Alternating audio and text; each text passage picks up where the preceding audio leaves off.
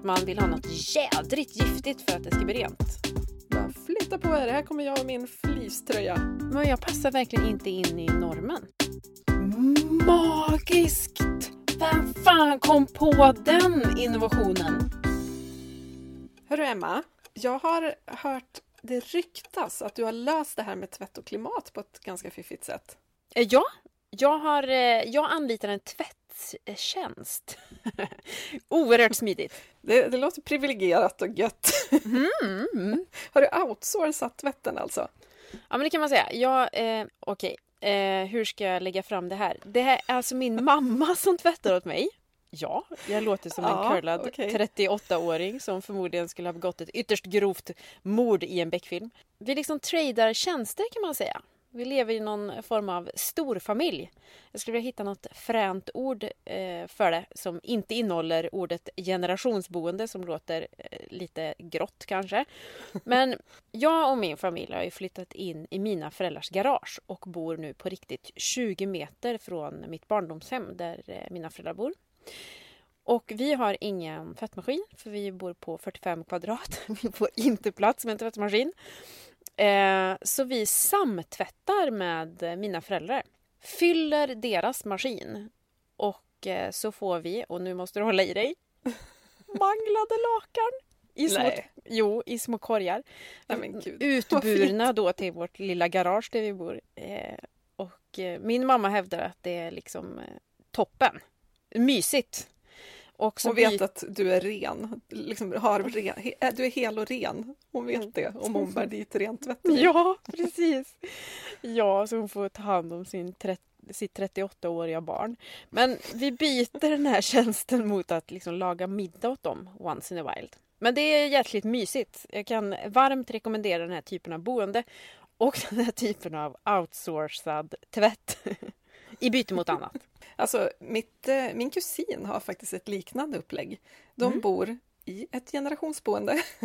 Alltså det behövs ett sexigare ord, jag kan hålla med om Ja, det. Eh, De bor i en stor villa i Umeå med hennes föräldrar i en liten lägenhet en trappa upp. Och min moster som då är pensionär sköter tvätten åt hela huset. Och min kusins man då som är helt fantastisk på att laga mat. Han bjuder liksom ner svärisarna på trerätters ganska ofta. Alltså, Eh, så att det, jag, jag är grymt avis på er båda, men jag har liksom min släkt minst 40 mil bort. Det känns inte riktigt görbart att så här, samköra tvättmaskin. nej, det känns inte så resurseffektivt kan jag säga. Nej, Eh, vi kallar det för landsbygdsfodora. Att vi kommer med en korg, korg med mat eh, ibland. Känns mysigt. Men du, eh, Maria. Vi ska ju såklart inte snacka landsbygdsfodora, det kan vi göra en annan gång. Men vi ska snacka om någonting annat som är ett rent nöje, nämligen städ, tvätt, disk. Allt det där äh, som gör det rent i våra hem. Vi ska göra det i ett avsnitt som vi kallar Bubblor, basiller och bättre val. Och vi kommer snacka en del om kemikalier och miljö och resurseffektivitet. Men först ska vi ta ett klipp. För varje gång jag tvättar kläder av syntetiska material så släpper de ifrån sig hundratusentals små plastpartiklar. Brittiska forskare har visat att kläder av polyester de släpper ifrån sig 500 000 små plastpartiklar vid varje tvätt. Och kläder av akryl de släpper ifrån sig 700 000 partiklar. Det där var ett klipp från SVT om mikroplaster och de ska vi snacka lite mer om senare i avsnittet. Men först har jag hört att det vankas en cocktail. Kan det stämma eller? Uh la la. Ja, det här är liksom inte den här eh, goa cocktailen kan man ju säga. Aj, utan fan. det är en rätt oskön cocktail. En cocktail av eh, kemikalier. Vi ska snacka cocktaileffekten. För grejen är att vi omges av massa kemikalier i eh, möbler som soffor och i eh, gamla leksaker och även besprutad mat. Alltså det finns kemikalier i det mesta. Rengöringssprayer, alltså allt. Och det finns eh, tydliga regler som reglerar de här kemikalierna var för sig. Men vad händer när vi mixar ihop alla de här kemikalierna som vi omges av i en härlig, göttig cocktail? ja, då är det kanske inte så jädra nice. Och man vet faktiskt inte riktigt hur vi människor eh, påverkas av den här cocktailen av, av eh, kemikalier. Kruxet med det här är väl också att det är ganska svårt att forska på det för att så här, din cocktail är inte samma som min cocktail. För vi omger oss med olika saker och olika kemikalier och olika doser. Så att vi, vi har liksom varsin cocktail, vi har inte följt samma recept och då blir det sjukt svårt att forska på hur det påverkar oss och vad i den här cocktailen som egentligen gör den farlig. Eh, så jag tänker att man måste vara medveten om att det finns något som heter cocktaileffekter. Man kan inte göra så mycket åt det. Men man ska väl inte heller invaggas i någon falsk trygghet, tänker jag. För att så här, det finns regler för hur mycket kemikalier en rengöringsspray får innehålla. Men det är inte bara den som är problemet. Liksom. Så man måste ha lite paraplytänk i det här, typ så. Ehm, och så kanske man ska försöka plocka bort så mycket onödiga kemikalier ur sin tillvaro som man kan. Man köper begagnade kläder och möbler till exempel, så då har ju den värsta skiten liksom tvättats och vädrats bort redan.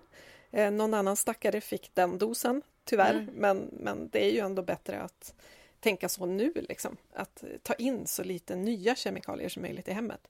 Och så att man kanske väljer så naturliga produkter som möjligt när man väljer målarfärg att måla sovrummet med och rengöringsmedel och hudvård som vi smörjer in oss med. Liksom. Det går ju rakt in i kroppen. Eh, och så att man köper ekologisk mat. Då slipper vi ju besprutningsmedlen. Så det finns ju massa små val man kan göra som gör att cocktaileffekten inte ballar ur totalt. Kan vi säga ja. så?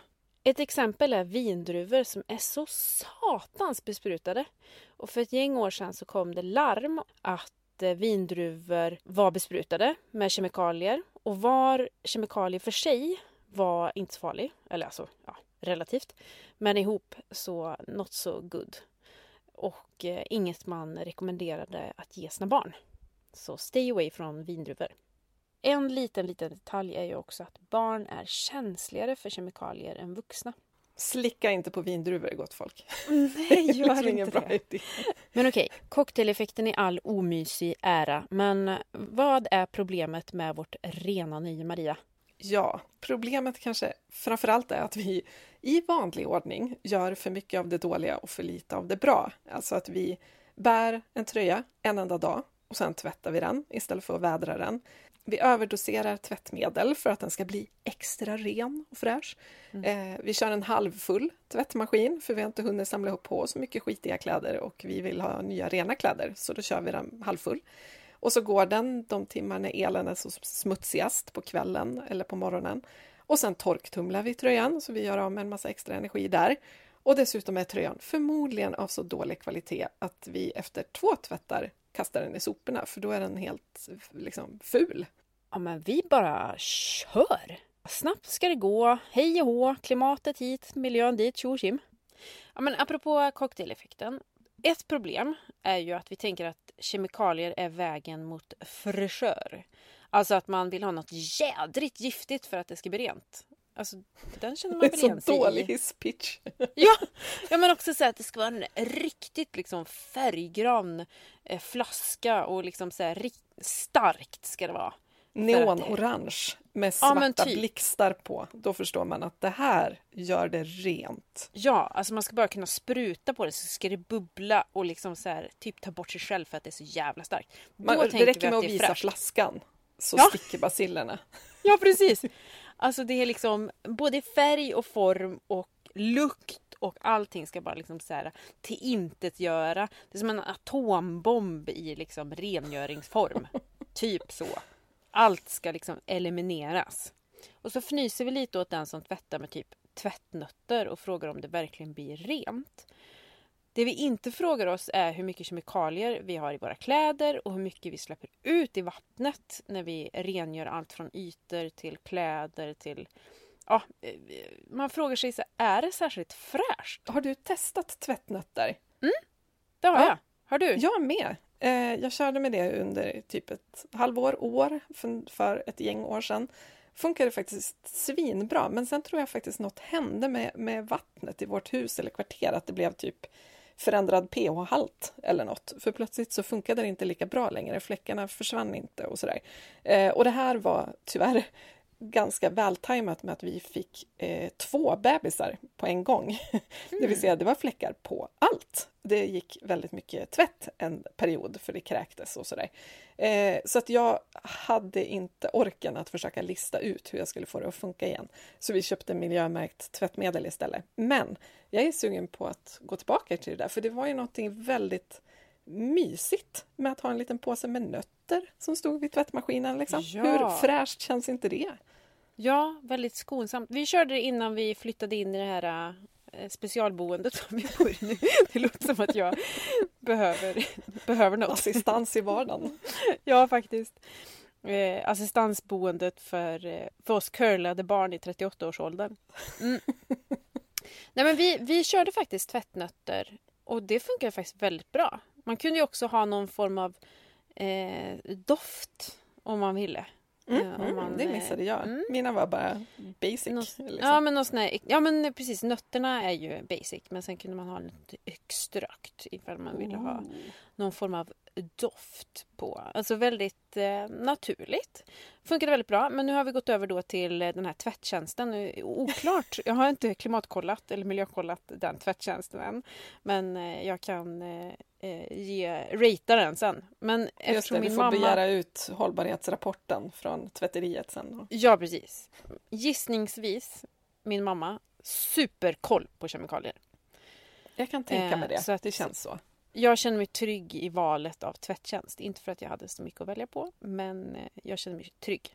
Jag bor ju som sagt i ett eh, under tiden-boende där vi inte har eh, plats för egen diskmaskin eller tvättmaskin.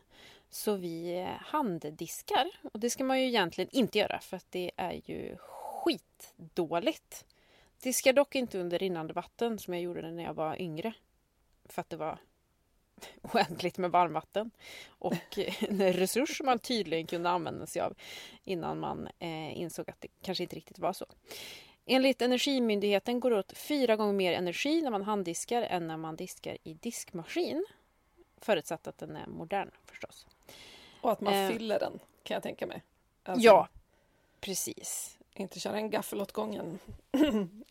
ja, nej precis. Vi har ju, det har jag pratat om förut, men vi har ju en varmvattenberedare som är skitliten.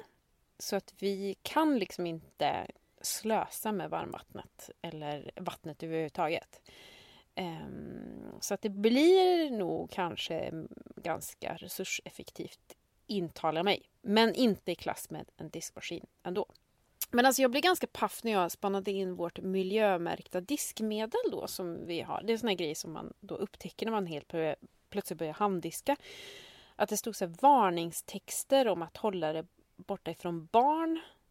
Och jag fattar ju att jag inte ska dricka skiten. Alltså, det förstår jag ju.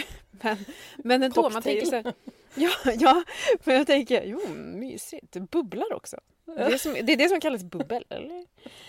Man tänker kanske att miljömärkt är 100% bara superskonsamt. Ja, Eller att det liksom precis. är, ja men typ att jag skulle kunna dricka det. Man, man skulle önska det. Det hade ju ändå varit en trygghet för alla småbarnsfamiljer. Eh, eftersom det ofta ser ganska spännande ut för att det är en rolig färg och så. Det ja, är väl ganska många barn som har tagit sig en hutt diskmedel genom historien. Okej, så här står det på mitt eh, miljömärkta handdiskmedel med en väldigt naturlig eh, design. Använd skyddshandskar. Det fattar man ju, annars blir man ju torr. Men det här. Använd ögonskydd. Ansiktsskydd. Står folk och handdiskar med liksom visir? Jag fattar att man inte ska använda det som linsvätska liksom, men ansiktsskydd.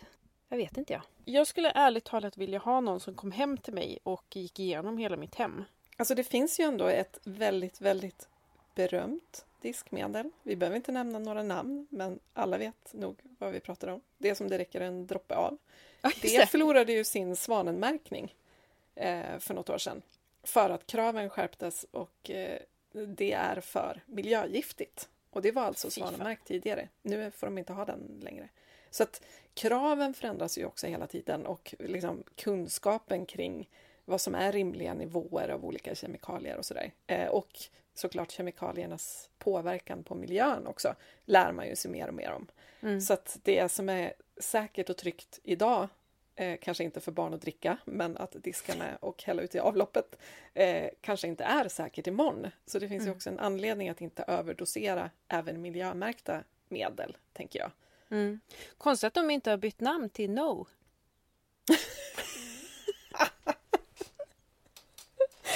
Bam! Mic drop. vi, kanske, vi kanske ska byta ut några etiketter. Jag vet inte. Oh, gud. Dagens bästa. Ja. ja, men ska vi, ska vi snacka lite mer tvätt? Nu har ju du redan berättat om ditt tvätteri. Mm. Men jag måste berätta om en bok som jag tycker alla ska läsa. Eh, den har egentligen inte så jättemycket med klimat och miljö att göra. Den heter Kvinnosaker. Den är ganska ny. Jag tror att den kom ut i vintras, typ. Eh, skriven av en kvinna som heter Karin Karlsson. Och hon, där, där handlar det liksom om olika innovationer som har revolutionerat kvinnans liv på olika sätt. Och då är ju till exempel tvättmaskinen med av naturliga skäl. För att förut fick man stå och liksom handtvätta sin tvätt i typ en iskall å i februari. Inte så jädra härligt. Det som står i den här boken är eh, att även om då tvättmaskinen liksom besparade kvinnor jättemycket kroppsarbete så det blev mindre slitsamt så tvättar vi idag så otroligt mycket oftare att tidsåtgången är densamma. Hur sjukt är inte det? Nej. För att förr i tiden så tvättade man kanske fyra gånger om året. Resten av tiden så vädrade man och fläckbehandlade om man hade spilt något och sådär. Men man tvättade inte hela plagget för det var liksom för mycket slit att göra mm. det. Men nu tvättar vi ju, alltså maskinerna går ju hela, hela tiden runt om i Sverige. Det är många som tvättar många, många maskiner i veckan om man har små barn till exempel. Mm. Eh, så tiden är densamma fast vi har en maskin som sköter jobbet åt oss. Alltså det är så simmas. Men också så slit i dubbel bemärkelse. Alltså slit på kläder men också ja. slit. Alltså jag tänker på min mormor Ulla som är en krutlady av rang. När hon som 17-åring blev gravid, ups, eh, så började hon eh, driva en gård med jordbruk. Alltså och, vadå, som 17-åring började hon driva en gård? Eh, ja, det var väl kanske när barnet kom då som 18-åring ja, som hon började. Ja, ja men då ja, så. Då är det den stora gården. Tillsammans med sin nyblivna man då. De var tvungen att gifta sig. Ja, i alla fall. Eh, det var asknapert och vattnet frös. Och hon hade hand om eh, så småningom fyra barn, hushåll och tog in också människor i huset som hade det svårt. Hon tvättade alla kläder i ån som ligger någon kilometer, några kilometer bort. Året om. Alltså svinkalla vintern. Tänk dig den. Mm. Till slut... Nej, för fan. Ja, det här kan vi tänka på en extra gång, tänker jag. Och till slut så var hon med och startade ett lokalt eh, tvätteri, någon form av andelstvätteri, tror jag. Så att kvinnorna i byn slapp förfrysa händerna.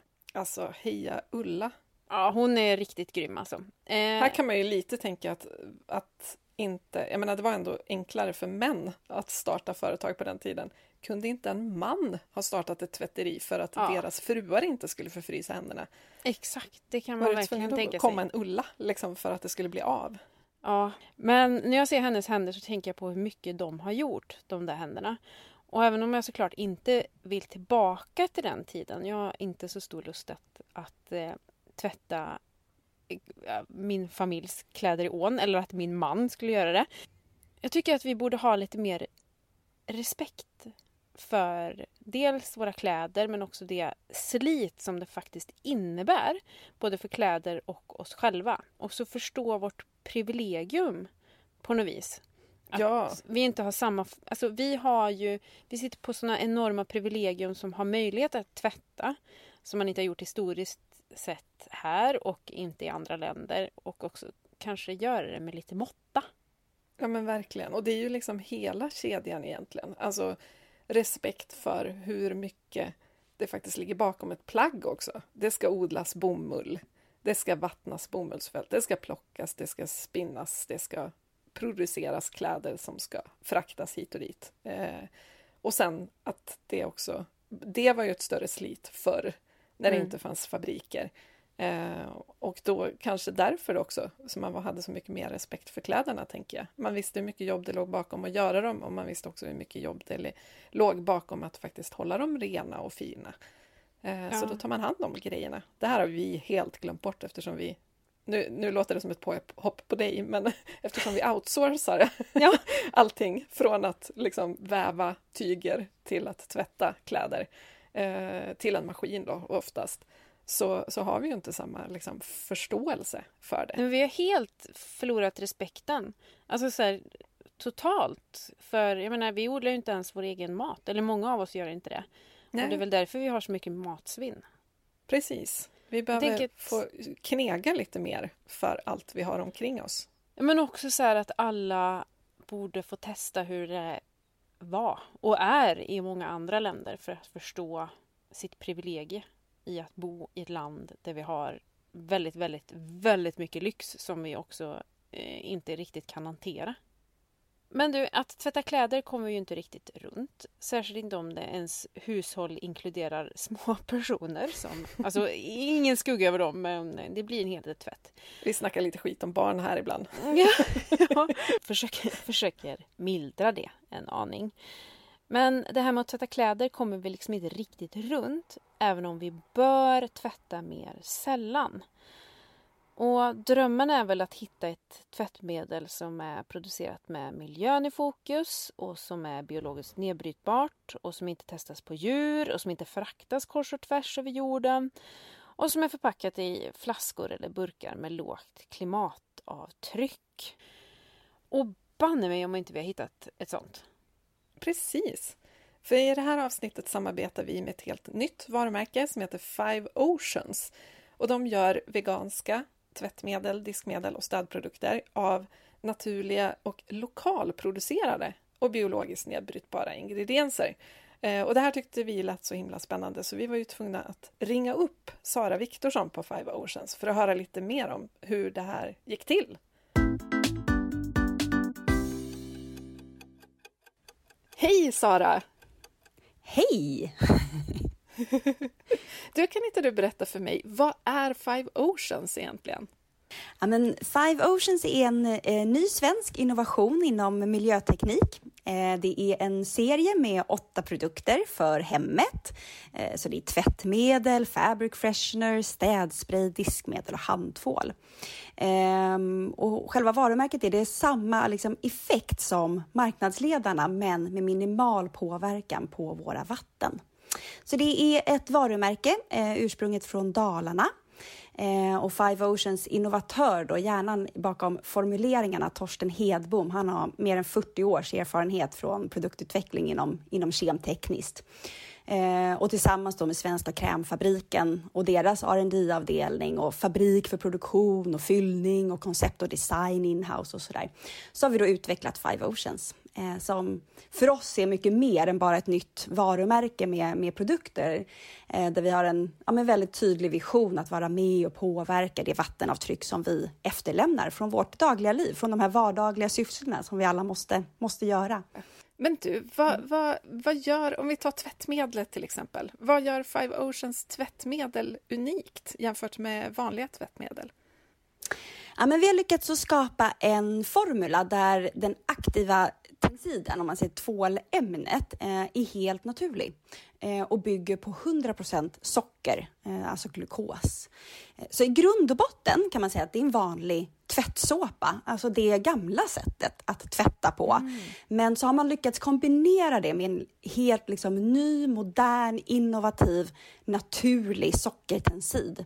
Eh, där vi har fått fram då en effekt som är ja, men lika bra som marknadsledarna, men med ett avsevärt lägre vattenavtryck. Så om man, om man tittar på tvättmedel så pratar man oftast om ett riktvärde som heter CDV, eh, som står för Critical Dilution Volume. Det handlar alltså om så här, hur mycket vatten eh, går det åt för att neutralisera den här produkten eh, när det kommer ut i våra sjöar och hav. Eh, och man kan tänka sig, om man ska illustrera det, att man tänker sig ett akvarium och så har vi liksom en en droppe utav Five Oceans sockertensid, eh, ja men då går det åt ett akvarium med 12 liter vatten för att neutralisera den här droppen, det här tvålämnet. Medan tar man en annan tensid, en av de vanligaste liksom på marknaden, ja, men då skulle du behöva ett akvarium med 12 000 liter vatten 12 000? för att neutralisera. Oj. Så det är ju liksom, det är ju en avsevärd skillnad. Vi pratar om 90 till 97 procent eh, mindre vatten som går åt för att neutralisera. Wow! Ja, men det låter ju häftigt. Men du, jag hajade till lite också när jag läste att det är lokalt producerad havre i tvättmedlet. Jag har ju liksom just vant mig vid havremjölk i teet och nu ska jag ha havre i tvättmaskinen också. Det här måste du ju berätta mer om. Ja, men visst är det fantastiskt? Havre, det är en sån här magisk ingrediens med eh, otroligt många positiva egenskaper. Nej, men havre har ju använts jättelänge inom kosmetika, produkter för den har ja, men antiirriterande, lugnande, mjukgörande, återfuktande egenskaper. Eh, och sen var det egentligen en slump att vi kom på det här för att eh, Torsten då som är hjärnan bakom, bakom våra formuleringar, han eh, är i grunden papperskemist och började så testa liksom och såg att den här betaglukanen som, som havremolekylen heter eh, har liksom samma struktur som cellulosa. Eh, men däremot så är betaglukanen löslig i vatten och det är inte, inte vanlig cellulosa. Men då såg han i alla fall att den här beta, även med jättesmå mängder, så blev pappret liksom mera slittåligt. Eh, så det höll bättre. Eh, och då fick han den här tanken att hmm, undrar om man inte kan använda det här i tvättmedel? Och så började han liksom forska på det och upptäckte att vad den gjorde var ju att du fick en otroligt mycket mjukare känsla i, i plaggen, så att man behöver ju inte ha något separat eh, liksom, sköljmedel eller mjukmedel. Eh, men också att man stärkte textilfibrerna, för textilfibrer har liksom samma uppbyggnad som cellulosa. Så det fanns en väldigt liksom logisk koppling däremellan. Så du får plagg som är mjukare och skönare. Eh, plaggen torkar snabbare eh, för att liksom textilfibrerna eh, ja, blir liksom mer voluminösa så att de ja, torkar snabbare helt enkelt. Eh, och dessutom så i och med att du stärker fibrerna så minskar du också utsläppet, utsläppet av ehm, mikrofiber i vattnet. Så den har otroligt många häftiga egenskaper. Men Five Oceans jobbar också efter en Green Pledge. Vad är det för något då? Men Green Pledge är ett hållbarhetsarbete eh, som är utvecklat av Krämfabriken då, som, som ligger bakom Five Oceans varumärke. Ehm, och det är 12 eh, viktiga områden som man har identifierat. Det är allt ifrån så optimerad energiförbrukning eh, där vi installerar solceller på, på taket på vår fabrik. Eh, ett annat är att jobba med hållbara förpackningar där vi då inom Five Oceans har 100% återvunnen plast och skrintryck istället för etiketter. Det innefattar också distribution och transporter, att vi liksom jobbar med, med klimatkompensation och transportörer som, som jobbar för det. Hur vi använder vatten i vår anläggning i Dalarna under produktionen Eh, med closed loop för att liksom återvinna vatten i produktionen och leda att minska vattenförbrukningen. Men det kan också vara enklare saker som att men vi har inte pappersmuggar eller engångsartiklar på vårt kontor. Ehm, så det är allt ifrån det lilla till det stora och också så här, ja, men hållbarhet för oss människor och alla, alla som jobbar där, att man ska må bra och man sponsrar en massa lopp eh, Lidingöloppet, O-ringen och Vasaloppet och så. Så konkreta åtgärder som vi kan göra liksom här och nu, men också inom, inom en snar framtid. Alltså det låter ju asbra. Det här borde ni exportera till alla andra företag också tycker jag. Vi försöker. Men har ni någon, det låter ju som att ni gör så otroligt mycket rätt. Har ni någon utmaning kring hållbarhet som ni liksom jobbar på att lösa fortfarande? Ja, men det, det, finns det ju alltid eh, och det här går ju så otroligt liksom, snabbt framåt också med olika. Men transport är ju till exempel en sån sak som vi tittar jättemycket på. Vi har redan idag neutrala transporter från vår fabrik till logistikcenter. Men vi håller nu på att titta på hur gör vi liksom hela resan hem till slutkonsument så, så miljövänlig som möjligt. Där har vi till exempel då tagit fram en speciell e-handelskartong eh, som passar perfekt för tre Five Oceans produkter. Eh, men så är den också möjlig att liksom skala ner och skala bort eh, kartongen så att den också passar perfekt för två produkter istället. Så allt det här liksom för att minska och transportera luft.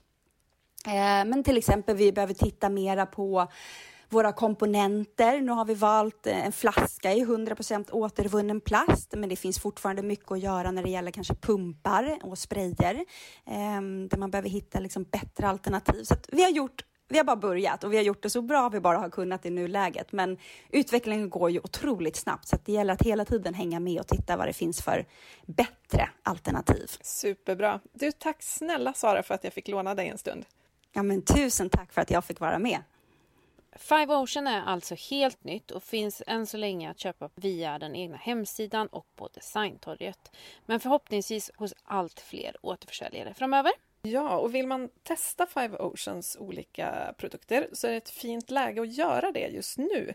För om man uppger koden plan B i ett ord med små bokstäver så får man just nu 20% rabatt på hela sortimentet när man handlar i deras webbshop.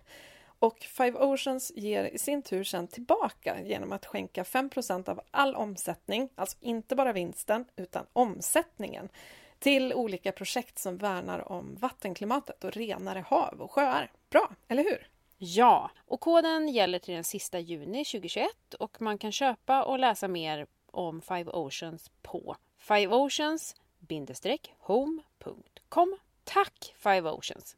Ja, tack! Vi har ju pratat lite grann om normer redan i början av avsnittet. Det här med att vi tvättar alldeles för ofta till exempel och att vi använder sjukt mycket starka rengöringsmedel i vår jakt på rent och fräscht. Men eh, vad, vad, skulle du säga, vilka andra normer styrs vi av när det gäller basiller och bubblor? Ja men eh, massor. Jag tänker på den här renhetsnormen som vi har varit inne och tassat på. Och Eh, ja, men även lukta gott-normer. Alltså vi ska ha hem som är så städade så att det ser ut som att de är redo för ett inredningsreportage. Eller sociala medier för den delen. Eh, inga diskberg, högar med kläder eller liksom dammråttor utan det ska vara liksom kliniskt rent. Och det där är jävligt svårt att leva upp till. Alltså som, som vanlig... Människa. Ja, exakt. Ja, som, som människa. människa. Men man ska ju också leva i det där hemmet. Alltså barn som stökar och typ skriver på väggarna. Alltså du vet, det är ju, det är ju stök liksom. Och det Klantiga syns... vuxna som spiller och kladdar. Ja, gud, just det. Nu ska jag inte skylla på barnen. Ja, men, också, ja, men man... Alltså, jag är ju sjukt stökig själv. Så jag har ju väldigt svårt att passa in i den här normen, känner jag. Och eh, man påverkas ju jättemycket. Alltså känner att men gud, det här kan inte jag visa upp. För gud, jag verkar ju vara liksom den där curlade 38-åringen, vilket kanske är. Men plockar undan efter mig. Nej men, eh, ja, men jag får panik över att det ska vara så rent och att man ska vara... Eh, man ska inte ha fläckar på sig, man ska inte använda samma kläder flera dagar i rad. Det passar inte alls med vad jag trivs i. Jag vill gärna gå i samma kläder i veckor. Eh, för att jag känner mig bekväm i det. Och, men jag passar verkligen inte in i normen. För jag bryr mig inte. Jag bryr Nej, mig inte alltså... om fläckar eller om det hänger något hårstrå. Det finns ju människor som faktiskt plockar så här, skräp på en. Som en, som en grej. Har du varit med om det eller? Ja, ja, ja. Gud ja. Det är lite som apor som plockar loppor på varandra. Liksom. Ja, alltså, kommer någon och känner, man känner att det nyps lite på ryggen för då är det någon som plockar hårstrån på ens rygg. Precis, och det är Inte nu av... under pandemin. Det här har Va? försvunnit en, ja, men under pandemin. Folk ja. vill ju inte ta på varandra. Så just, just nu det. får man ha sina hårstrån och dammtussar i fred. Men i, i vanliga fall, absolut. Ja, och jag, alltså det här är ju av all välmening. Men jag känner ju mig skitig. Mm. Men ja, jag får, ja, men jag får lite panik över att det ska vara så rent. Och jag tycker ju om när det luktar gott. Eh, absolut. Men också att man förväntar sig att, det ska, att man ska liksom omge sig av en väldoftande aura. Man ska inte lukta bara så här äh, skog eller liksom frisk luft utan ja, det ska vara som en parfymbutik. Liksom. Sköljmedel. Hur ja. många dofter finns det i matbutiken? Liksom? Och sköljmedel är ju inte ens bra. Liksom. Det måste vi bara lägga av med. Och det är ju just en sån där... Vi, jag har inte använt sköljmedel ever, tror jag. För min mamma har inte använt det. Eh, så jag liksom är uppväxt med att kläder är inte sådär super, super mjuka när de är nytvättade utan de är lite stela och jag typ gillar det. Jag tycker det känns så här, lite som att lägga sig i, i, i nytvättade sängkläder. De är ju liksom lite stiffa. Jag kan mm. tycka att det är något härligt med den markeringen att så här, nu har vi bytt lakan. Eh, det låter som att jag klär mig i typ papperskläder. ja, det lät det faktiskt. Sålde inte in det så bra. Liksom inte, jag har ju fattat att sköljmedel gör kläderna att de känns så super, super mjuka och att det är det folk vill åt. Men jag tror också att det är doften. Eh, för att alla de här har ju liksom blommor och bara så här det framhävs ju väldigt väl hur gott det kommer att dofta när man har sköljt sin tvätt i det här. Och jag och det fattar bara, det. Ah. Alltså jag fattar verkligen det. Alltså nu ska jag, nu kommer miljömuppens bekännelse här. Men jag är ju uppvuxen med absolut inga sköljmedel eller onödigheter överhuvudtaget. Så när jag flyttade hemifrån när jag var 16 så gjorde jag revolt. ja, men det var en del av min revolt att börja använda sköljmedel för jag tyckte det luktade så gott. Vi, vi, pratade ju ganska mycket i vårt begagnat avsnitt till exempel om vår märkliga syn på second hand och att det skulle vara ohygieniskt. Och jag tänker att mycket av det har ju med doft att göra. Alltså, mm. Det är därför vi tvättar i sköljmedel, för det absolut inte ska dofta använt. För då kopplar vi det till att det är ohygieniskt. Och sen som det exemplet som vi tog upp i det avsnittet där med att vi gladeligen eh, betalar pengar för att sova i hotellakan som en massa främlingar har sovit i innan oss. Eh, och då, det, jag tycker liksom att vi måste så här, tänka till ett varv kring vad vi eh, ser som hygieniskt. Alltså att vi måste omvärdera mm. begreppet hygien. Det är klart att ingen vill vara omgiven av smuts. Men det är ju inte ohygieniskt att någonting är använt bara. Nej. Och hur hygieniskt är det att tvätta sönder syntetplagg med starka kemikalier och mikroplaster åker ut i avloppet och sen sprids de i både natur och människor. Är det fräscht? Är det hygieniskt? Kan vi prata om mikroplaster? Ja, det måste vi. Alltså jag, för det första så håller jag med dig till 100 procent i att, men, att vi kanske ska lägga till en liksom extra mening där kring hygien. Att hygien ska liksom innefatta både oss själva men också klimat och miljö. Ja. Att det ska vara en hygien, hygieniskt för alla. Oh, det, det kommer att gå åt det hållet. Man börjar ju prata om att hållbarhetsarbete är en hygienfaktor mm. nu mm. för företag. Så vi kanske är på väg åt det hållet. Men det är liksom inte o... Alltså, ja, det finns saker som är ohygieniska, men att använda samma tröja som igår är inte ohygieniskt. Det är bara vettigt. Nej, men också rengöringsmedel eller eh, med kemikalier i. Alltså om, komma bort från det egoistiska i att vad som är hygieniskt för mig ska inte påverka ett djur i naturen. Nej, exakt. Det blir ju fel. Men ja, åter till mikroplasterna. Fy fan vad jag hatar mikroplaster. Ja, men... och att det ja. är... Oh, jag blir så irriterad. Det finns ju flera olika eh, typer av mikroplaster. De kommer från olika eh, produkter. Dels så finns det de eh, mikroplaster som redan är små. Alltså som eh, sitter till exempel i ett plagg. Men sen så finns det också mikroplaster som har varit att typ en plastpåse har brutits ner i mindre partiklar.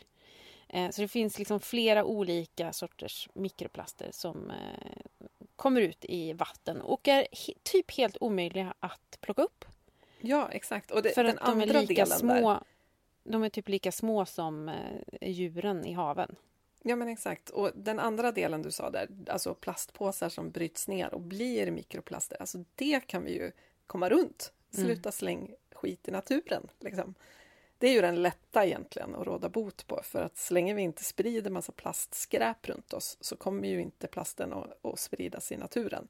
Mm. Men den här andra grejen är ju sjukt mycket svårare. Och jag läste att i början av maj så hittade man för första gången mikroplaster i Europas största glaciär, Vatnajökull på Island. Och det tror man beror på att mikroplaster sprids via atmosfären också, så det är inte bara via vatten. Det är ju lite så man har lärt sig, att vi tvättar någon fleecetröja och så hamnar mikroplaster i vattnet och så sprids det via vattendragen. Och så är det också, men det skulle inte ha hamnat i en glaciär om det bara var så, utan det hamnar också via atmosfären. Så problemet är ännu större än vi trodde. Liksom. Åh, för fan. Vill du ha mer dåliga nyheter? Ja. Förra året så visade en italiensk studie att mikroplaster kunde hittas i livmodern hos fyra av sex kvinnor inne i kroppen i ett organ. Eh, och just de här partiklarna trodde man kom från diverse olika saker. Målarfärg, plåster. Alltså Mm. fatta att plåstret har vandrat in i kroppen. Ah. Mm. Eh, nagellack och hygienartiklar. Eh, och alltså när vi, när vi liksom spolar ut olika saker i avloppet, alltså tvättvatten och eh, tvättar av oss smink och sådär. Enligt Naturskyddsföreningen så plockar reningsverken upp det mesta av plasten för de blir ju också bättre och bättre och har bättre och bättre filter och sådär. Mm. Men 10 till 30 procent tar sig igenom filtren och åker ut i naturen. Och varenda gång vi tvättar kläder av syntet så lossnar små mikropartiklar, precis som vi hörde i klippet i början, att Mm. akryl och polyester och sånt är skit, rent ut sagt. Ja, all den här flisen. Ja, Och, ja, eh, polyesterblusar som säljs i mängder från fast fashion-företagen. Som bara läcker ut. Alltså vart, vem, vem ska ta ansvaret? Eller vem tar ansvaret och vem, var är förbuden? Det här gör mig fullständigt galen. ja men det hur är kan- så stört. Det är hur- verkligen helt sjukt. Hur kan det liksom vara lagligt att sälja saker som förväntas tvättas till exempel? Som, som skitar ner så mycket. Alltså det är ju otroligt kostsamt att försöka rena upp skiten sen. Ja, verkligen. Alltså, det är ju inte... En mikroplaster är ju saker som är mindre än 5 millimeter. Visst är Mm. det så? Mm. Eh, och då är ju vissa alltså, nästan mikroskopiska. Mm. Eh, så det är ju super, super svårt att fiska upp dem. Eh, jag läste hos WWF om en studie som kom för två år sedan som angav att vi får i oss i snitt 2000 mikroplastpartiklar per vecka. Det är som att vi skulle gnaga i oss ett kreditkort varje vecka. Så mycket plast är det. Fy fan. Varför står inte folk och skriker på gatorna om det här? Ja, men jag vill stämma någon. Vem, Ja. vem ska jag stämma? Och det värsta Men- är väl kanske också att det, om, om det bara var polyestertröjan, Mm. partytoppen, liksom, då skulle man ju kunna bara förbjuda, vi får inte göra kläder av polyester. Men det är ju så himla många olika saker. Det är liksom, när vi kör bil så slits däcken, det blir mikroplaster. Mm. Konstgräsplaner, en lite nischad bov i dramat, men så är det. Konstgräsplaner för att vi vill ha de här fina gröna gräsmattorna eh, även i april. De släpper ifrån sig mikroplaster, all form av plastproduktion såklart. Nedskräpning, båtbottenfärg, Mm. då hamnar det ju direkt i haven. Liksom. Men textiltvätt är definitivt en av de stora bovarna också. Och Men, det är väl kanske ja. den vi privatpersoner kan påverka mest ändå. Men också tycker jag så här, här får man väl mm, prata lite om behov och begär, kan jag tycka. Alltså konstgräsplan, Mm. Är det är behov eller begär? Alltså det... Livsviktigt, basbehov. Tänker jag. ja, ja, men också så här, jämför det med kanske då en bil som någon kanske behöver faktiskt för att ta sig till sitt lönearbete. Eller sätt det i relation till polyesterblus då som man ska eh, tvätta en extra gång på grund av en liten, liten fläck som man kunde ha gnuggat bort med en liten trasa.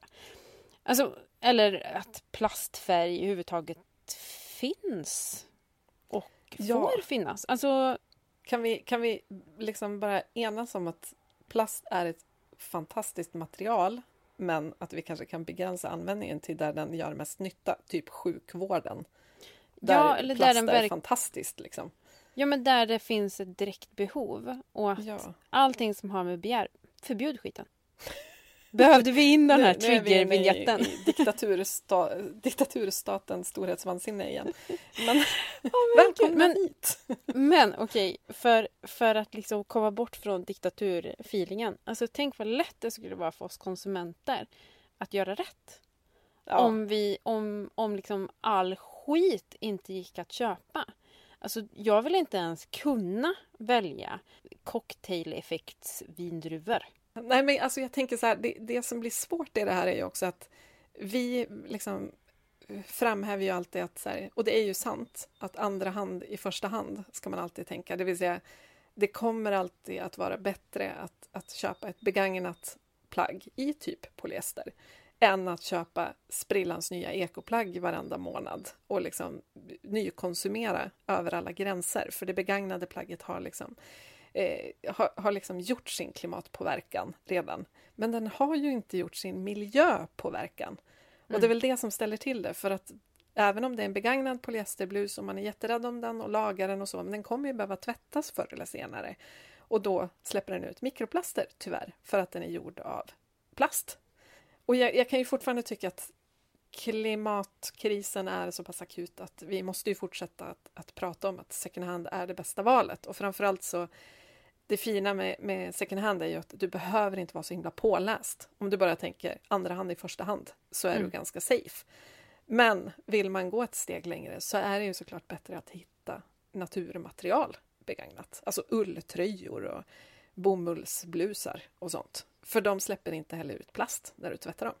Och ull eh, rengör sig självt. Ja! Magiskt! Vem fan kom på den innovationen? Ja, jo. verkligen. Det måste ha varit fåret? Evol evolution, ja, fåret. ja, men alltså, nej, men också att det finns så smarta material. Alltså, det är ju helt sjukt. Och ändå var vi tvungna att uppfinna material som vi tyckte var ännu smartare. Jag tycker det är något djupt obehagligt med att vi har skapat en värld där människotillverkade partiklar finns såväl långt inne i kroppen som inne i en glaciär. Då har det liksom gått alldeles, alldeles för långt. Vi ska inte ha den påverkan på liv, tycker jag. Mm. Ehm, och det är väl kanske lite svårt, lite svårt att vrida tillbaka klockan och göra allt det här ogjort. Men kan vi liksom prata mer om hur sjukt det är och inte bara i den här podden utan liksom i samhällsdebatten. Eh, och kan vi få stopp på det så vi fortsätter, så vi inte fortsätter att sprinkla mikroplaster över planeten som om det vore strössel. Liksom. Ja, och sen så tänker jag också att det här hänger ihop med så mycket vi människor gör. Att vi tror att vi är någon form av herran på täppan. Alltså att vi liksom står över alla andra arter och all annan växtlighet. Alltså så att vi får göra precis vad vi vill. Vi får skövla skogen för att vi är i behov av den. Men vi skiter fullständigt i att det bor djur i den där skogen eller växter som inte skulle kunna överleva om den skövlades. Så där håller vi på hela tiden och det är så osmakligt. Vi behöver liksom kila in oss lite mer eh, klädsamt i liksom den här världen och tänka att vi är en del av ett ekosystem, vilket vi är. Vi är ju del av ett system som ska, som ska fungera. Just nu är vi ju bara grus i maskineriet. Ja! Vi ska ju vara en del av det här maskineriet, inte liksom förstöra för oss själva, för det är ju det vi gör. Bara flytta på er, här kommer jag och min fleecetröja. ja, nu ska vi sprinkla mikroplaster här. Alltså, vi lägger ju verkligen kroksben för oss själva. Hela, verkligen. hela, hela tiden. Men och så här, visst, vi ska inte backa bandet för långt heller. Alltså, att vi nu har mycket större kunskap om hygien till exempel. Det har ju räddat mängder med människoliv, inte minst inom sjukvården, för att man inser att saker måste vara sterila vid operationer och sådär. Eh, så det är klart att det finns jättemycket bra saker med att vi har ökad hygien i samhället. Och de flesta av oss vill inte vara omgivna av smuts eller lukta svett. Fine. Men alltså, bara ta en sån sak som vatten och nu kommer jag citera boken Kvinnosaker igen. Mm. Alla, gå ut och läs boken. Den finns säkert på biblioteket. Eh, jag tycker den är så himla bra, för det är så mycket i den som jag lär mig saker av. I den här boken, för vattenledningen, en annan sån här kvinnosak som Karin Karlsson tar upp, för att den har revolutionerat kvinnors, kvinnors vardag. Och i boken då så kan man läsa att i ett hushåll som saknade vattenledning på 1950-talet, för det fanns faktiskt hushåll som inte hade rinnande vatten då, då förbrukades ungefär 30 liter vatten per dygn och person. Och det var liksom allt. Det var liksom eh, raggarduschen och det var matlagningen och det var torka rent och skura golvet och tvätta barnen, typ.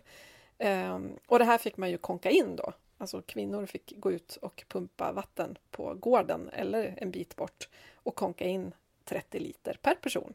Och så var det ganska stora familjer, så det blev ju mer än så. Och det här gjorde ju också att man tog vara på regnvatten och smälte snö och återanvände badvattnet och sådär. Och sen så byggde man ut vattenledningsnäten under 1900-talet. Vad hände då, tror du? Åh, oh, please. Du, du tänker att ja, men då blev vi ännu mer sparsamma. Så sen, från, och, från och med då så gjorde vi av med 28 liter vatten Ja, sen har vi bara minskat. ja, exakt. Nej, peak vattenkonsumtion inträffade på 70-talet när jag föddes. Eh, det var inte mitt fel. det är ditt den. fel. Eh, allt är ditt fel. Tortillabröden, matsvinnet, allt är ditt fel Maria.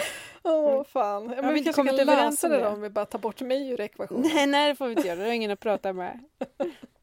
Fortsätt. Nej, men på 1970-talet då var vi som mest aningslösa när det kom till vatten. Vi svenskar vaskade glatt 500 liter vatten per person och dygn.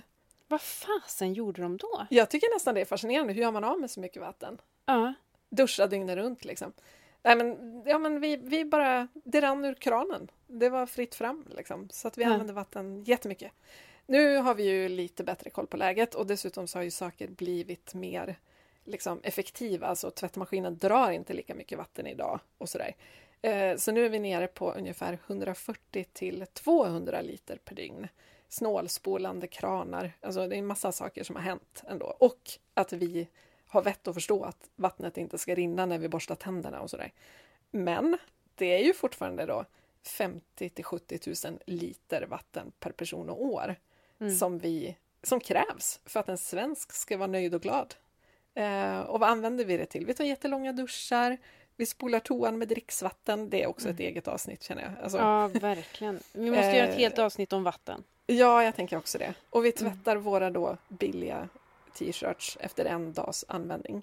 Och i andra länder finns det liksom inte ens rent vatten att dricka. Så att även om vi har fått ner vattenkonsumtionen så, så är det ju liksom lägen då att ta ett varv kring de här privilegierna igen, tänker jag. Ja, gud. Alltså, åh, det där fuck you-fingret eh, hänger ju löst, känner jag nu. För tänk, så, men, det är ju, alltså, tänk, tänk den personen som behöver gå mil för att hämta vatten för att dricka, för att släcka sin törst. Och så meanwhile in Sweden. Eh, vi är bara pepprade med mikroplaster och spolar ner vårt bajs och liksom bara ödslar vatten. Alltså, åh! Och det värsta är väl kanske då också... Förlåt världen! Ja, men lite så. Och den här personen som har gått ett par mil för att hämta sitt dricksvatten får alltså vatten med mikroplaster i med, mm. med en viss sannolikhet då eftersom det verkar finnas överallt. Mm. Thank you Sweden! Nej men eh, Sund är inte nöjd över situationen. Men jag måste ändå säga att en lärdom har ju varit att växa upp med en eh, ytterst liten varmvattenberedare. Och mm. Spenderat somrar på Gotland. Den kombinationen är ja. ganska lärorik kan jag säga. Verkligen. Jag eh. tycker också att Gotlandssomrarna har lärt en något. Och mm. för att och liksom ge lite bakgrund till de som då inte tillbringar somrar på Gotland så är det nästan alltid vattenbrist på Gotland på somrarna. Det är så torrt. Eh, så att man blir uttryckligen tillsagd från eh, kommunen att spola inte vatten i onödan. Spara, spara, spara på vattnet. Mm. Det kan vi väl säga överallt, tänker jag. Vattenbrister eller, eller, eller ej. Alltså, håller helt med. Och Ja, det, man tog det här dricksglaset, halv, halvdruckna dricksglaset från barnen bara för att liksom vattna någon liten törstande tomat och tog hand om eh, potatisvattnet. Allt vatten tog som hand för att det inte fanns. Man var rädd att eh, vattnet skulle ta slut i brunnen. Ja men exakt. Och vi har ju. Vi har alltid en vattenkanna stående i duschen så att liksom, när man tar då sin snabba dusch, det kommer ju alltid en massa vatten ner runt den. Och då mm. fångas liksom lite av det upp i en hink och i en vattenkanna och så kan man använda det för att vattna krukväxten eller vad det nu är. Mm. Spola toaletten. Ja men exakt. Ja, så vi hade en balja man, man lever liksom ett rimligare liv där. Sen åker mm. man färja dit och det är inte toppen. Men, men liksom när man väl är där så, så tänker man till på ett helt annat sätt än man gör i vardagen. Obs, obs, obs! Privilegievarning. Det låter som Maria och jag har testat det hårda livet på Gotland. Eh, det låter ju som en privilegierad bajsmacka för de som har upplevt eh, riktig törst. Vi vet. Alltså jag kan inte riktigt släppa det här med kemikalierna. Därför har jag ringt upp Sveriges konsumenter och eh, snackat kemikalier och vad man bör undvika. Ska vi lyssna? Hej Sherry Eklund! Du är projektledare på Sveriges konsumenter. Kan inte du berätta lite om vad du gör? Yeah, hi Emma. Thank you so much for having me here today. And um, I'm working at Sveriges Konsumenter as a project leader for um, a project that's called Nordqual, and it's a cooperation between um, cons- consumer organizations in Sweden, Finland, and Denmark with financing from the EU's co- consumer program. Vi vill ju ha det rent hemma, men hur rent blir det egentligen med starka kemikalier?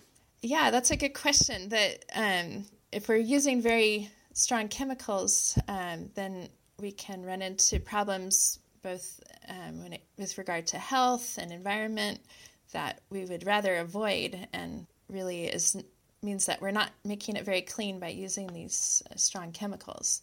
Man hör ju om cancerogena ämnen, hormonskadliga ämnen. Vilka är värstingarna? Well, that depends a little bit who you are. Um, if you're a child or a pregnant woman, then, for example, the hormone um, damaging chemicals can be a real problem because um, you're in a growth phase and those um, chemicals are much more dangerous for uh, people that are growing and developing organs and new cells and that sort of thing because that's what they are um, undermining. But also the concentration of the chemicals and and what they're even being used for and almost any case there, there are alternatives um, maybe better alternatives to these that um, have all these health risks associated with them Vad behöver man för att få ett städat hem? Behövs produkter överhuvudtaget? Well, the pr- products do make a difference with cleaning. We've seen in our testing when we've, um, for example, we had a uh, laundry detergent test and we used um, just water as one of the tests and compared that to the products. So, in most cases, the products are making a big difference in getting stains out and that sort of thing.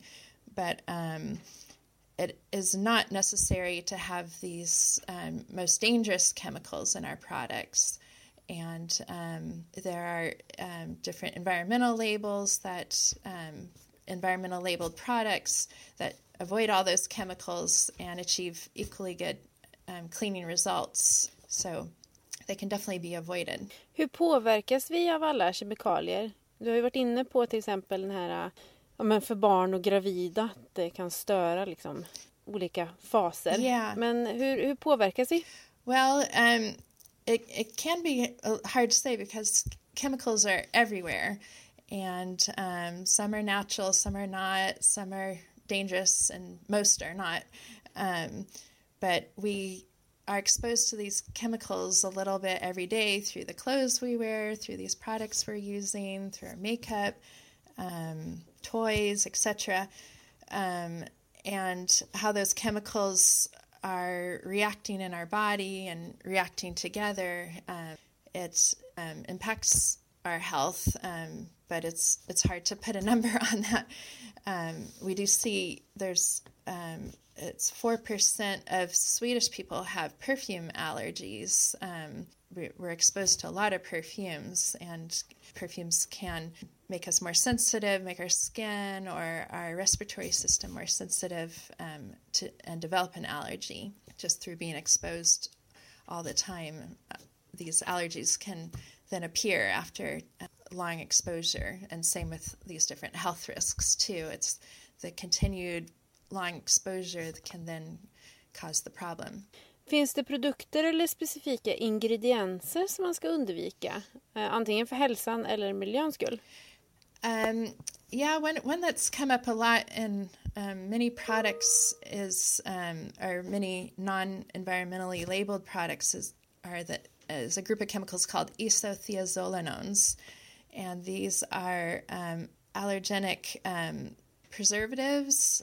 They can be toxic also in, in the environment. So, for example, yes, um, dish hand dishwashing detergent has methyl isothiazolinone, and um, when you're washing your dishes, usually your that product's getting on your skin, and it just to have an allergenic um, preservative on your skin, maybe every day, is is probably not the best idea. So that's something can be certainly avoided. Also, perfumes, it, it can be good to consider do I really want a perfume in every single product I have? Um, because perfumes can also cause allergies and sen- sensitize our skin, sensitize our lungs. Um, on top of that, most a lot of perfumes can be environmentally problematic, and even some are endocrine disruptors or hormone um, damaging chemicals.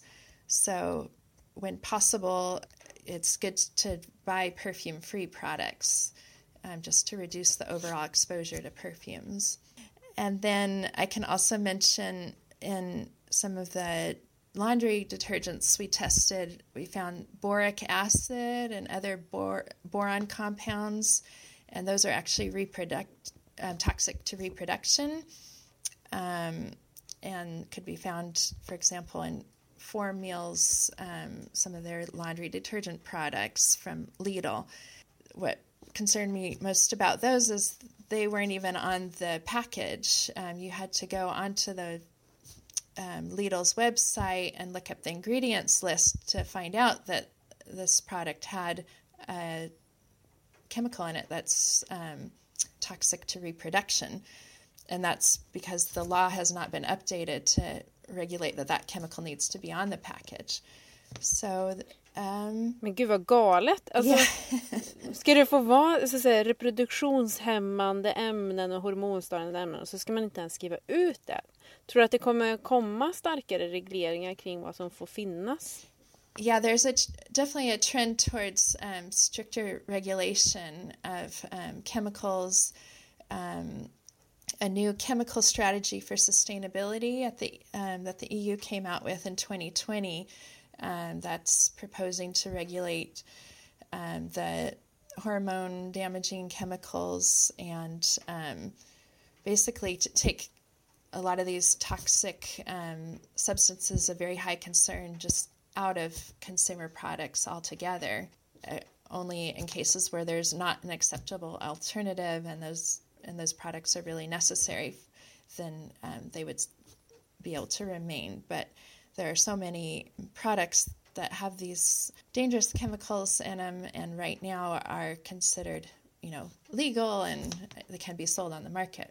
Om jag vill läsa mer om kemikalier i hushållsprodukter, var ska jag vända mig då? um, our tests of these different um, cleaning products are available on Sveriges Konsumenters website on um, the under the Nordqual project, and um, our tests that have been published in the magazine Road Oak Run um, are open to the public to, that can read for free. Um, so that can be a good place to start. We have other projects related to chemicals also and different campaigns where you can learn about other ways to get involved and maybe help try to influence um, both policymakers and companies to take these product these chemicals out of products that are dan- dangerous to health and environment. Tusen tack för att jag fick ställa alla mina frågor till dig. Okay, thanks Emma. Yeah. Som ni hör så finns det en hel del att göra. Regleringar som ska till. Alltså det är helt sjukt att man inte behöver skriva ut hela ingredienslistan på förpackningarna. Det här måste vi ändra på. Undvik allergiframkallande konserveringsmedel och se upp för borsyra och andra borämnen som är reproduktionstoxiska. Och använd din konsumentmakt så puffar vi de här dåliga, dåliga, dåliga produkterna bort från butikshyllan. Okej Maria, hur ser plan B-livet ut på basil och bubbelfronten? Alltså framförallt så tänker jag att alla lägenheter och hus borde utrustas med vädringsskåp. Eh, så att man bara kan hänga in som en garderob liksom, men som är så himla välventilerad så att plaggen man hänger där blir genomblåsta av lite Oh. frisk luft. Vore inte det härligt? Ja! Som ett kallskafferi fast en vädringsgarderob. Liksom. Eh, det här gud. vet jag faktiskt har... Jag läste om något byggprojekt någonstans, Göteborg kanske, där de har byggt in sådana eh, i lägenheterna. Det är ju en svinsmart idé. Det vill jag ha. Men du, Ehm, det här är ju det här är revolutionerande! och, och så när man öppnar så sjunger Carola Fångad av en stormvind. Alltså gud, det här är ju så smart. Alltså också alla som har problem med så här, vart fasen ska man göra av de här halvanvända kläderna? ja, Det är liksom ens, ens så här, eh, akt, vad säger man? Det, det är ens pågående garderob. Det är de kläder man använder som inte är redo för tvätt men som har liksom börjat användas. Och så hänger de där och blir lite fräschare varje natt. Så gött! Men alltså, Maria, jag ska bygga hus. Ja. Här ska jag bygga in. Ja, åh! Men du, Ja, men jag tror också att vi bor mindre. Mm. Eh, att vi har lite färre prylar och kläder och alltså behöver vi inte städa och tvätta så himla ofta. Mm. Eh, för om vi inte har så sjukt mycket grejer så kanske vi faktiskt blir lite bättre på att använda dem fler gånger innan vi tvättar dem. Eh, och sen när vi väl gör det så packar vi såklart vår superenergi och vattensnåla maskin full. Och jag tänker också att det finns något snillrikt system som plockar upp det använda tvättvattnet och liksom spolar toan med det eller något. Ja. Eh, ja, det blir väldigt mycket så här, vad heter han, skrotnisse, eh, Petson. Att det är väldigt mycket rör som går från olika saker här till Mm, toan. det gillar Men, man. Men att ta hand om allt gråvatten, alltså det är väl fenomenalt. Grejen är ju att innovationerna finns ju redan. Det ska bara bli norm. ja, verkligen. Och att vi liksom tvättar så himla skonsamt och klimatsmart vi kan med vettiga medel. Och sen att vi låter tvätten själv torka såklart. Du då? Ja men apropå det här äh, självtorkeriet. Nu kanske mitt äh, önskefranska öppna habitat gör sig påmint. Men alltså vädringsstreck. Ja, Alltså, i, och då menar jag inte bara för oss som bor på landet eller som bor i hus. För där är det liksom ingen biggie. Men hallå, innergårdarna i stan. Så himla mysigt. Ja men lite italienskt att låta lakanen fladdra mellan husen och blusar hissas upp högt över innergårdarna. Det väl asmysigt. Då tänker jag så här, det här kanske är lite svårt eh, att applicera eh, på eh, svensken som inte vill ha sina kalsonger synliga det- för är grannarna. Är det nu det kommer en trigger warning vignett som vi inte har än? Ja, För nu ska du tänk- säga obekväma sanningar. Ja, men då tänker jag att det är skitsamma. Fan, alla har väl underkläder. De är lite håliga och lite missfärgade. Det är väl sa- samma sak för alla, eller? Nej, kanske inte. Ja, Det var bara jag jag. hoppas det. Nej, men jag tänker att vi inte behöver vara så knussliga. Tänker väl jag. Ja, men ibland kan jag tycka att vi i Sverige är så jädra... Hur ska jag säga det?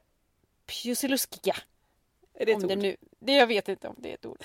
Men det liksom daltas och vi är sån jättebebisar som ska liksom ha sån här specialhantering i världen som ska, ska ta sig i med silkeshandskar. Eh, jag tror vi behöver lite skit under naglarna, fåror i händerna och rynkor i pannan. Alltså lite jädra namma, lite rejält skit.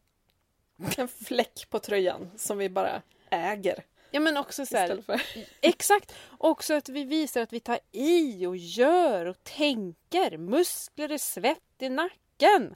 Okej, var är triggerbiljetten nu?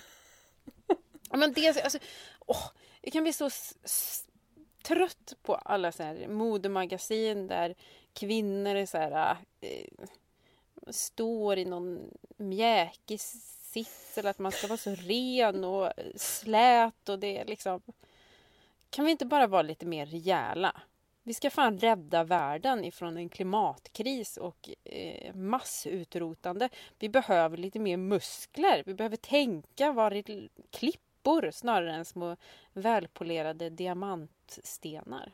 Ja, men och det är, ju, det är väl säkert också ett annat avsnitt, men jag kan ju ibland liksom bli lite matt över hur mycket tid och pengar framförallt kvinnor lägger på att, att se ut som en, en perfekt obruten förpackning, rynkfri och Ja, slät verkligen. och liksom välmakead och i nya kläder och så vidare. Det är så Ja, eh, triggervarningen igen då, men förspilld kvinnokraft. Mm. Eh, för kvinnor kan mer än att göra sig själv attraktiva, tänker jag. Sen kan man ju tycka att det är kul med mode och kläder och smink och allt det där, men, men jag tycker kanske att det inte får styra ens liv till den gränsen att eh, tvättmaskinen går dygnet runt och att vi köper nya plagg hela tiden för att de är det minsta lilla håliga, eller vad det nu kan vara. Ja, men där tänker jag också att vi, vi har liksom hittat på en, en fortsättning av historien som liksom inte stämmer med hur man tänkte från början. som modedesignern Coco Chanel exempelvis. Som befriade kvinnan från korsetten. Mm. Ehm, för att hon ansåg att kvinnor ska ha så bekväma kläder att man kan göra saker. Ja men precis, jag tror också hon var duktig på att sätta fickor i plagg Mm. för att man skulle kunna lägga ifrån sig saker. Hon satte en axelrem på väskan för att man inte skulle behöva hålla den i handen. Precis. Vi ska ha så bekväma kläder för att vi ska kunna göra andra saker och kunna använda hjärnan till att göra andra saker än att tänka på hur vi ser ut. Exakt. Sen Det var finns det nackdelar med Coco Chanel, ska vi lägga till, att vi vet om. Men Ja. just det där tänket var, var väldigt, väldigt vettigt och bra. Och någonting som är värt att påminna sig om ibland. Eh, ja, men också tänker jag att vi verkar så himla paniskt rädda för att saker inte ska upplevas nytvättade också. Alltså oavsett om det är oss själva eller våra kläder. Vi köper ju till och med doftljus som kanske inte sällan är gjorda av paraffin som är en restprodukt från oljeindustrin och dessutom cancerframkallande att andas in. Eh, för att våra hem ska dofta tada, nytvättat, eh, otroligt fräscht. och så så här, alltså, klart man inte vill lukta svett eller smuts. Eh, men kan vi inte bara sikta på att så här, inte lukta alls då? Alltså vädra ur matos och avgaser ur kläderna och sen dofta typ vår eller sommar eller soxbo.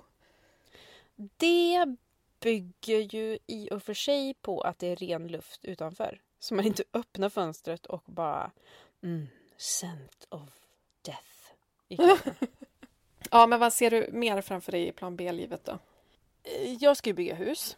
Mm. Jag vet inte om någon har, kanske har missat det. Men eh, vi har precis fått bygglov och ska bygga ett halvbalshus. Och eh, vi skulle förmodligen kunna göra ett helt avsnitt om eh, det här bygget och det kanske vi gör också så småningom. Men om jag ska köra hisspitchen för, för detta framtida eventuella avsnitt så vi ska bygga ett eh, klimatsmart hus med hjälp av halm och lera och använda gamla tekniker och återbruka så mycket det bara går. Vi vill undvika de mest klimathaltande materialen som betong, stål och plast så långt det går.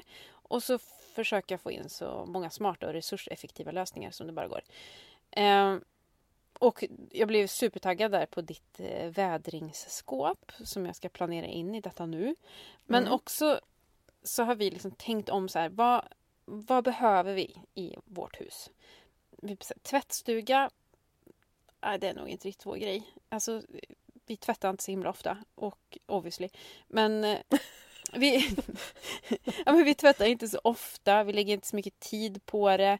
Ehm, behöver vi en tvättstuga? Nej. Men vi kanske behöver någon form av klädvårdsrum. Det är någonting som vi saknar. Där symaskinen alltid står framme. Så var det ju förr, att man hade en symaskin som man täckte över. Men som alltid stod redo för att laga kläder. Det har vi ett jättestort behov av. Smart, Eh, istället för att det ska vara den här... Ja, men istället för att det ska vara den här tröskeln över så här, åh, nu måste jag plocka fram symaskinen och nu måste jag, så här, vart är trådarna? Och sen så ska man plocka in, alltså det blir ett projekt. Var är liksom symaskinen som inredningsdetalj?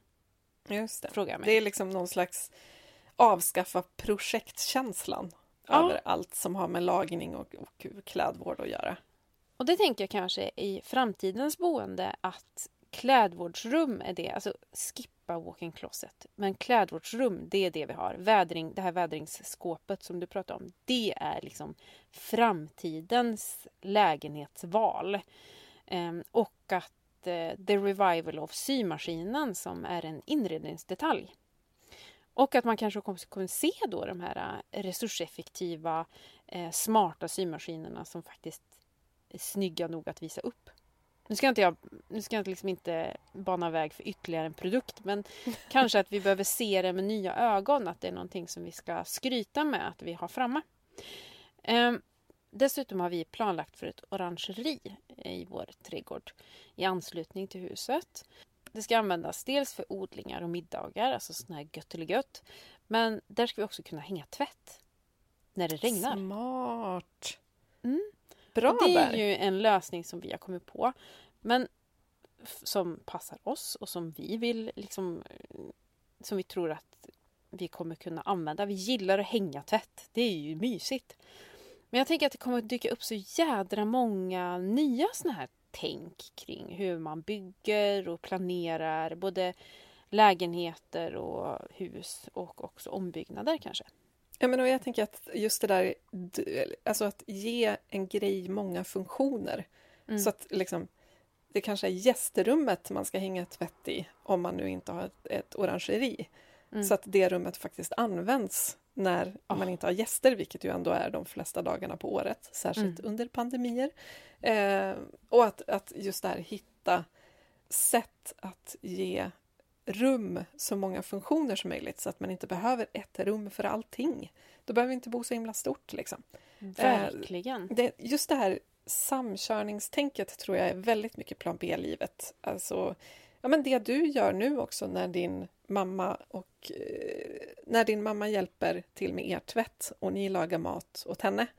Alltså att just det här eh, vad säger man, stordriften på något vis. Mm. Eh, vilket ju, för det är ju ändå jättevettigt till exempel att äta på restaurang för då värms det en ugn till en massa människor istället för att alla lagar mat hemma. Eh, men då hoppas man ju också att alla de här stora inrättningarna som hotell och restauranger och ja, men andra stordriftsgrejer, förskolor, att det verkligen, verkligen då, apropå de här rengöringsmedel, tvättmedel, diskmedel, att det är bästa möjliga. För annars känns det ju lite som att man förlorar effekten av det. Om det mm. bara köps in det allra billigaste eller det allra starkaste för att säkert bli av med varenda liten fläck och så vidare. Och så vidare. Mm. Är du med på vad jag menar? Att, ja, att det måste finnas ännu högre krav när det blir stordrift på något vis. Ja, alltså det ska man väl också ifrågasätta. Det är den nya saken, eller det är det nya vi ska fråga när vi går på restaurang. Jättegod mat! Eh, hur diskas tallriken efteråt? Ja, precis. Gud, och det lär ju vara såna här snabbdiskmaskiner som tar typ 10 minuter istället mm. för en timme som, som det ju ofta är i restaurangmiljöer och så. Men vad är det för diskmedel? Mm. Är det miljömärkt? Är det så naturligt det bara går? För den går ju också väldigt, väldigt mycket mm. eftersom den behöver köras ofta. Ja. Jag gillar ju, alltså man gillar ju tanken på stordrift. Alltså gå ut på restaurang är smart för att man värmer upp en ugn som du var inne på och det går en diskmaskin istället för liksom 50 enskilda. Uh, och så tänker jag också på att vi säkert kommer se fler liksom delningsalternativ i, i eh, men lägenhetshus och kanske även i bygder. Alltså, det har ju funnits tvättstuga länge. Eh, det är mm. någonting vi delar på. Det är ingenting konstigt. Men sen kommer liksom hela det individuella tänket att alla ändå ska ha en tvättmaskin. Vi måste gå tillbaka till det där äh, tvättstugetänket, tänker jag, och dela på fler sätt. Ja, jag var ju inne på bakstugan när vi pratade oh. om bröd till exempel. Bara för att hur mysigt att hänga och baka bröd ihop en kväll och så går det en ugn. Liksom. Oh. Äh, mys, mys. Du, ska vi knalla in på en lista kanske? Och eh, då ska vi såklart lista ett gäng knep för vettiga vardagsvanor, eller hur? Yes! Jädrigt giftigt! Wow! Lista. Yeah. Rent och fräscht. Jag tar punkt nummer ett. Den är ganska självklar, men alla påminnelser är bra påminnelser. Men fyll maskinerna. Det är bättre att diska i diskmaskin än för hand. Det berättade ju du om tidigare i avsnittet. Men maskinen ska vara full och samma med tvättmaskinen. Det ska inte gå halvtomma maskiner. Då tappar man liksom poängen. Punkt nummer två. När du har fyllt eh, tvättmaskinen, se till att dosera rätt. Kolla om du har mjukt eller hårt vatten. Det kan du göra genom kommunens hemsida. 80% av hushållen i Sverige har mjukt vatten vilket betyder att tvättmedlet eller diskmedlet löddrar lättare. Och man behöver alltså mindre av den varan. Så det kan vara bra att veta. Alltså man sparar ju både pengar och miljö av att ha koll på sitt vatten. Välj rätt tider också. Vissa elbolag har appar som gör att man kan se precis hur dyr elen är vid en given tidpunkt. Och dyr el är tyvärr lika med smutsig el och det beror på att trycket är så stort så att det rinner in lite smutsig el i elbassängen. Eh, och har man inte den funktionen hos sitt elbolag och inte vill byta heller, då kan det ju liksom vara bra att bara tänka logiskt. För de värsta perioderna är ofta på morgonen, mellan typ kanske 7 och 9 när väldigt många människor ska laga frukost och koka kaffe och duscha samtidigt. Och samma sak på kvällen vid middagstid, typ mellan 17 och 20 när alla lagar middag, duschar igen, för vi är ju så renlighetskrävande, och kollar på diverse skärmar. Så att om man undviker så här, vad säger man, rusningstid i elsammanhang så blir det både billigare och bättre för klimatet. Klockan 22 är en bra tid. Sätta på diskmaskinen. Ja, vi brukar köra igång den klockan 23 har vi märkt att den nästan alltid går ner. Mm. Punkt nummer fyra är vi inne på va? Jag tror det. Punkt nummer fyra. Investera energieffektivt. Om du är på gång att investera i en ny tvättmaskin eller diskmaskin eller torktumlare eller vad det nu är. Se till att skaffa en riktigt energisnål apparat. Kolla efter energiklass helt enkelt. Och de bästa maskinerna gör av med ungefär hälften så mycket el som en medelmåttig produkt. Och det är så smart för man, eh, det finns en sajt där man kan kolla hur det står till med energieffektiviteten. Top10sverige.se. Där kan man spana in vilka som är de mest energieffektiva apparaterna på marknaden. Marknaden. Yes. Punkt 5 då. Tvätta inte i onödan. Och det här har vi ju varit inne på. Vädringsskåpet är vår våtaste dröm just nu. Mm. Ehm, men även om man inte har ett vädringsskåp så kan man liksom ordna ett bra system i garderoben. Ett bra knep är att vända galgarna på de plagg som, som man vet inte är nytvättade men också bara använda en eller två dagar. Så, så kan man ändå ha lite koll på när det är dags att tvätta någonting. Ehm, och så vädra då, om man kan. Hänga ut på balkongen eller altanen eller vad som helst. Bättre för plaggen, för de nöts inte lika hårt och fort, de håller längre. Och för miljön såklart. Och så skippa sköljmedel så undviker vi onödiga produkter och kemikalier i naturen. Yes. Och sänk temperaturen också. Nu har vi helt tappat strukturen på den här listan, men häng med mm. bara. Ja. Go with the flow. Eh, sänk temperaturen, för det går ju oftast alldeles utmärkt att tvätta i 40 eller till och med 30 grader. Man behöver inte ha 60 eller 90 grader. Eh, det är också snällt mot kläderna, de håller längre och det krävs ju mycket mindre energi. Det är oklart hur många punkter vi har, men vi tar den sista punkten då. Städning har vi inte pratat lika mycket om som tvätt i det här avsnittet. Men när man då ska städa, hitta ett så naturligt och gärna miljömärkt rengöringsmedel som man bara kan hitta. Och kom ihåg också att damm inte ska spolas ut i avloppet utan kastas i brännbart. Eh, för alla de här kemikalierna som dunstar från soffan och tvn och allt vad det är och alla gifter, eh, de fastnar liksom i dammet. Så att vi ska verkligen inte skicka ut dem i avloppet så de hamnar i... Dammråttorna ska inte simma runt i sjön och havet utan de ska brännas upp så att inte de här kemikalierna och för all del då mikroplasterna hamnar fel. Fan vad obehagligt med de här dammråttorna alltså. Ja, nu såg du framför dig en plastinsvept äcklig råtta, eller hur? Ja, och kemikalieråttan alltså. Ja. Fy fan vad äckligt. Ja. Bränn upp den bara. Mm. Vanliga råttor, mycket bättre. Ska vi gå på en utmaning kanske? Ja. Jag gissar att du inte har cyklat Klarälvsleden sen vi pratade sist. Ja, men jag har en, eh, jag har faktiskt, eh, jag har inte cyklat än men jag har en plan och jag får sällskap! Hurra, jag, hurra. jag trodde att jag skulle cykla den själv men vi blev världens cykelgäng. Men gud vad mysigt! Det här alltså, vill man ju följa live sen. Ja, se upp Värmland, nu kommer vi! Plus, alltså gullig grej! En av våra lyssnare av Plan B-podden berättade att hen bor nära Klarälvsbanan och sa så här, kom gärna in på fika. Nej, alltså, fy fan, Nej men gud vad mysigt. Ja. Okej, okay. 100 pluspoäng för förberedelsejobb tycker jag. Ja, jag känner mig nöjd. Har vi betat av hur det har gått med brödbaket? Det har vi, men eh, jag kan ju ge en statusrapport om den också. Jag gör det. Hur mm. går det med brödbaket? Alltså jag har ju surdegsbas va? Den behöver ju matas. Så att ibland så måste jag baka. För att eh, det, jag måste baka surdegsbröd för att mina matade surdegsbasar håller på att bli för stora. Så det här är Mm. en jädrigt bra, det är, ja, bra grej för att få igång eh, bakandet. Jag har faktiskt också bakat surdegsbröd nu. Jag har lyckats fixa en jättestor eh, limpa som jag sant? bakade i gjutjärnsgryta. Och det vill jag också göra.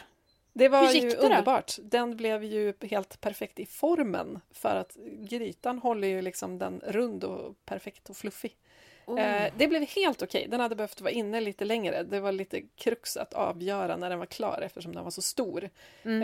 Eh, så den hade behövt 10 minuter till i ugnen kanske. Men det blev en fullt ätbar limpa med jättegod skorpa. Så att den är på rätt väg. Däremot sumpade jag själva surdegsbasen sen för att jag förvarade den på något kruxigt sätt så att den mådde inte så bra lite senare. Så jag måste börja om igen. Men eh, nu känns det ändå som att jag har lite så här koll på hur man gör. Så jag Kul. hoppas på fler bröd snart. Heja Eh, heja! Är du redo för en, en städutmaning, en rengöringsutmaning, en bubbelutmaning? Ja, fast ja, nu blev jag lite rädd här, kände Jag jag. ska fånga in ett antal giftiga råttor. Fy fan, så ska du äta dem och så får du se hur du mår. Covid Blanda en väggen. härlig cocktail. Nej, nej men alltså nu har ju du Nu har ju du outsourcat tvätten och diska för hand, så det är liksom lite svårt att ge dig uppmaningar om att så här, fylla tvättmaskinen och köra disken på natten och sådär. Eller ja, Mm. du kan väl diska på natten, det är väl bra. Men, Tack! Men istället tänkte jag ge dig en liten städutmaning. Eh, Mm. Och jag tänkte att du skulle hitta tre husmorsknep som är antingen beprövade av dig sedan tidigare eller sådana som du testar för första gången och redovisa dem i ett blogginlägg. För jag tänker att det finns så sjukt många bra vanor som vi liksom har glömt bort lite för att marknaden har erbjudit oss såna här neonorangea sprayflaskor. Liksom. Eh, så jag tänker att vi det skadar liksom inte att påminna om att det finns ganska smarta sätt att hålla rent på som inte förgiftar hav och vatten och sådär. Eh, och du ska få sällskap, för jag ska också göra det här. Oh, trevligt! För jag tänker att det blir lite spännande att se om vi hittar samma Nu tre eller om vi får ihop totalt sex husmorsknep. Eh, Så gör vi varsitt blogginlägg och så försöker vi tajma det här så Ja, att de släpps alltså, ungefär gillar det samtidigt så vi kan länka till varandra. Fan vad trevligt! Det här gillar jag. Och dessutom, jag, en följdfråga. Den ska alltså, det här som jag ska göra, det ska alltså ersätta någonting, en produkt som man har hittat på som inte är så jävla nice. Ja, men det kan det göra. Men det kan ju också vara en... Alltså, det finns ju inte specialprodukter för allt. Mm. Eh, så att det kanske också bara är ett, ett smart sätt att göra ren en viss grej på, till exempel. Mm. Eh, så bara, bara någonting som har gjorts historiskt och funkar jättebra. Det är bara att vi har fått för oss att det behövs moderna substitut till det här för att det gick, typ. Eh, lite klassiska grejer, bara. Och det kommer bli så rent, det kommer bli så fräscht där. Alltså fy fasen vad härligt. All den här pandemi, eh, när man, all den här pandemistöket du vet, när man inte har, man får ingen besök så man har liksom helt lagt ner skiten. Man bara, äh, vad fasen. Den, nu händer det. Nu, Nu- händer nu det. blir det rent. Vårstädning. Ja, Japp. det är nästan sommarstädning nu, va? men Men alltså, ja, tack för utmaningen, jag antar den och eh, det ska bli skitkul. Jag tackar också mig själv för den här utmaningen. Det, det kanske uppstod för att jag insåg att det behövs städas här hemma. Jag vet inte. Smart. Men du, det är dags att runda av. Tack Ja. alla som lyssnar och att ni uppskattar podden. Och vill ni supporta lite extra får ni gärna fundera på att bli Patreons. Och kanske inte bara fundera utan faktiskt bli det också. All info eh, finns på planbpodden.se. Vill man backa på något annat sätt så blir vi görglada för betyg och recension på valfri poddplattform. Ja, och hör jättegärna av er med tankar och idéer. Eh, antingen via mail på planbpodden gmail.com eller på Instagram såklart på planbpodden heter vi där, DM. Slida in i våra DMs, gärna härliga husmorstips. Eh, kanske vi kan samla ett gäng också sen. Och tusen tack för idag! Vi hörs snart igen, eller hur? Ja, och sen så en sista grej. Har man idéer på avsnitt som man vill att vi ska göra? Maila om det också. Ja, vi börjar ju närma oss ettårsjubileum nu. Eh, det första avsnittet kom ut i juni, va? Så att det, det närmar sig och vi vill ju super... Vi har ju hunnit beta av ganska många teman nu Eh, vi har en hel lista på avsnitt vi vill göra. Vi kommer ju också på tre nya avsnitt i varje avsnitt känns det som. Ja, Eh, vatten till exempel. bygg. Bygg, exakt. Men om man har idéer på vad man vill att vi ska göra avsnitt om, så hör av er och skicka röstmemon. Det tjatar vi alltid om, men det är Ja. ju mysigt ju. Underbart. Ja, tack så mycket för idag och ha det gött! Ja, ha det gött! Städa lugnt. Städa på! Ja. Hej då! Hej!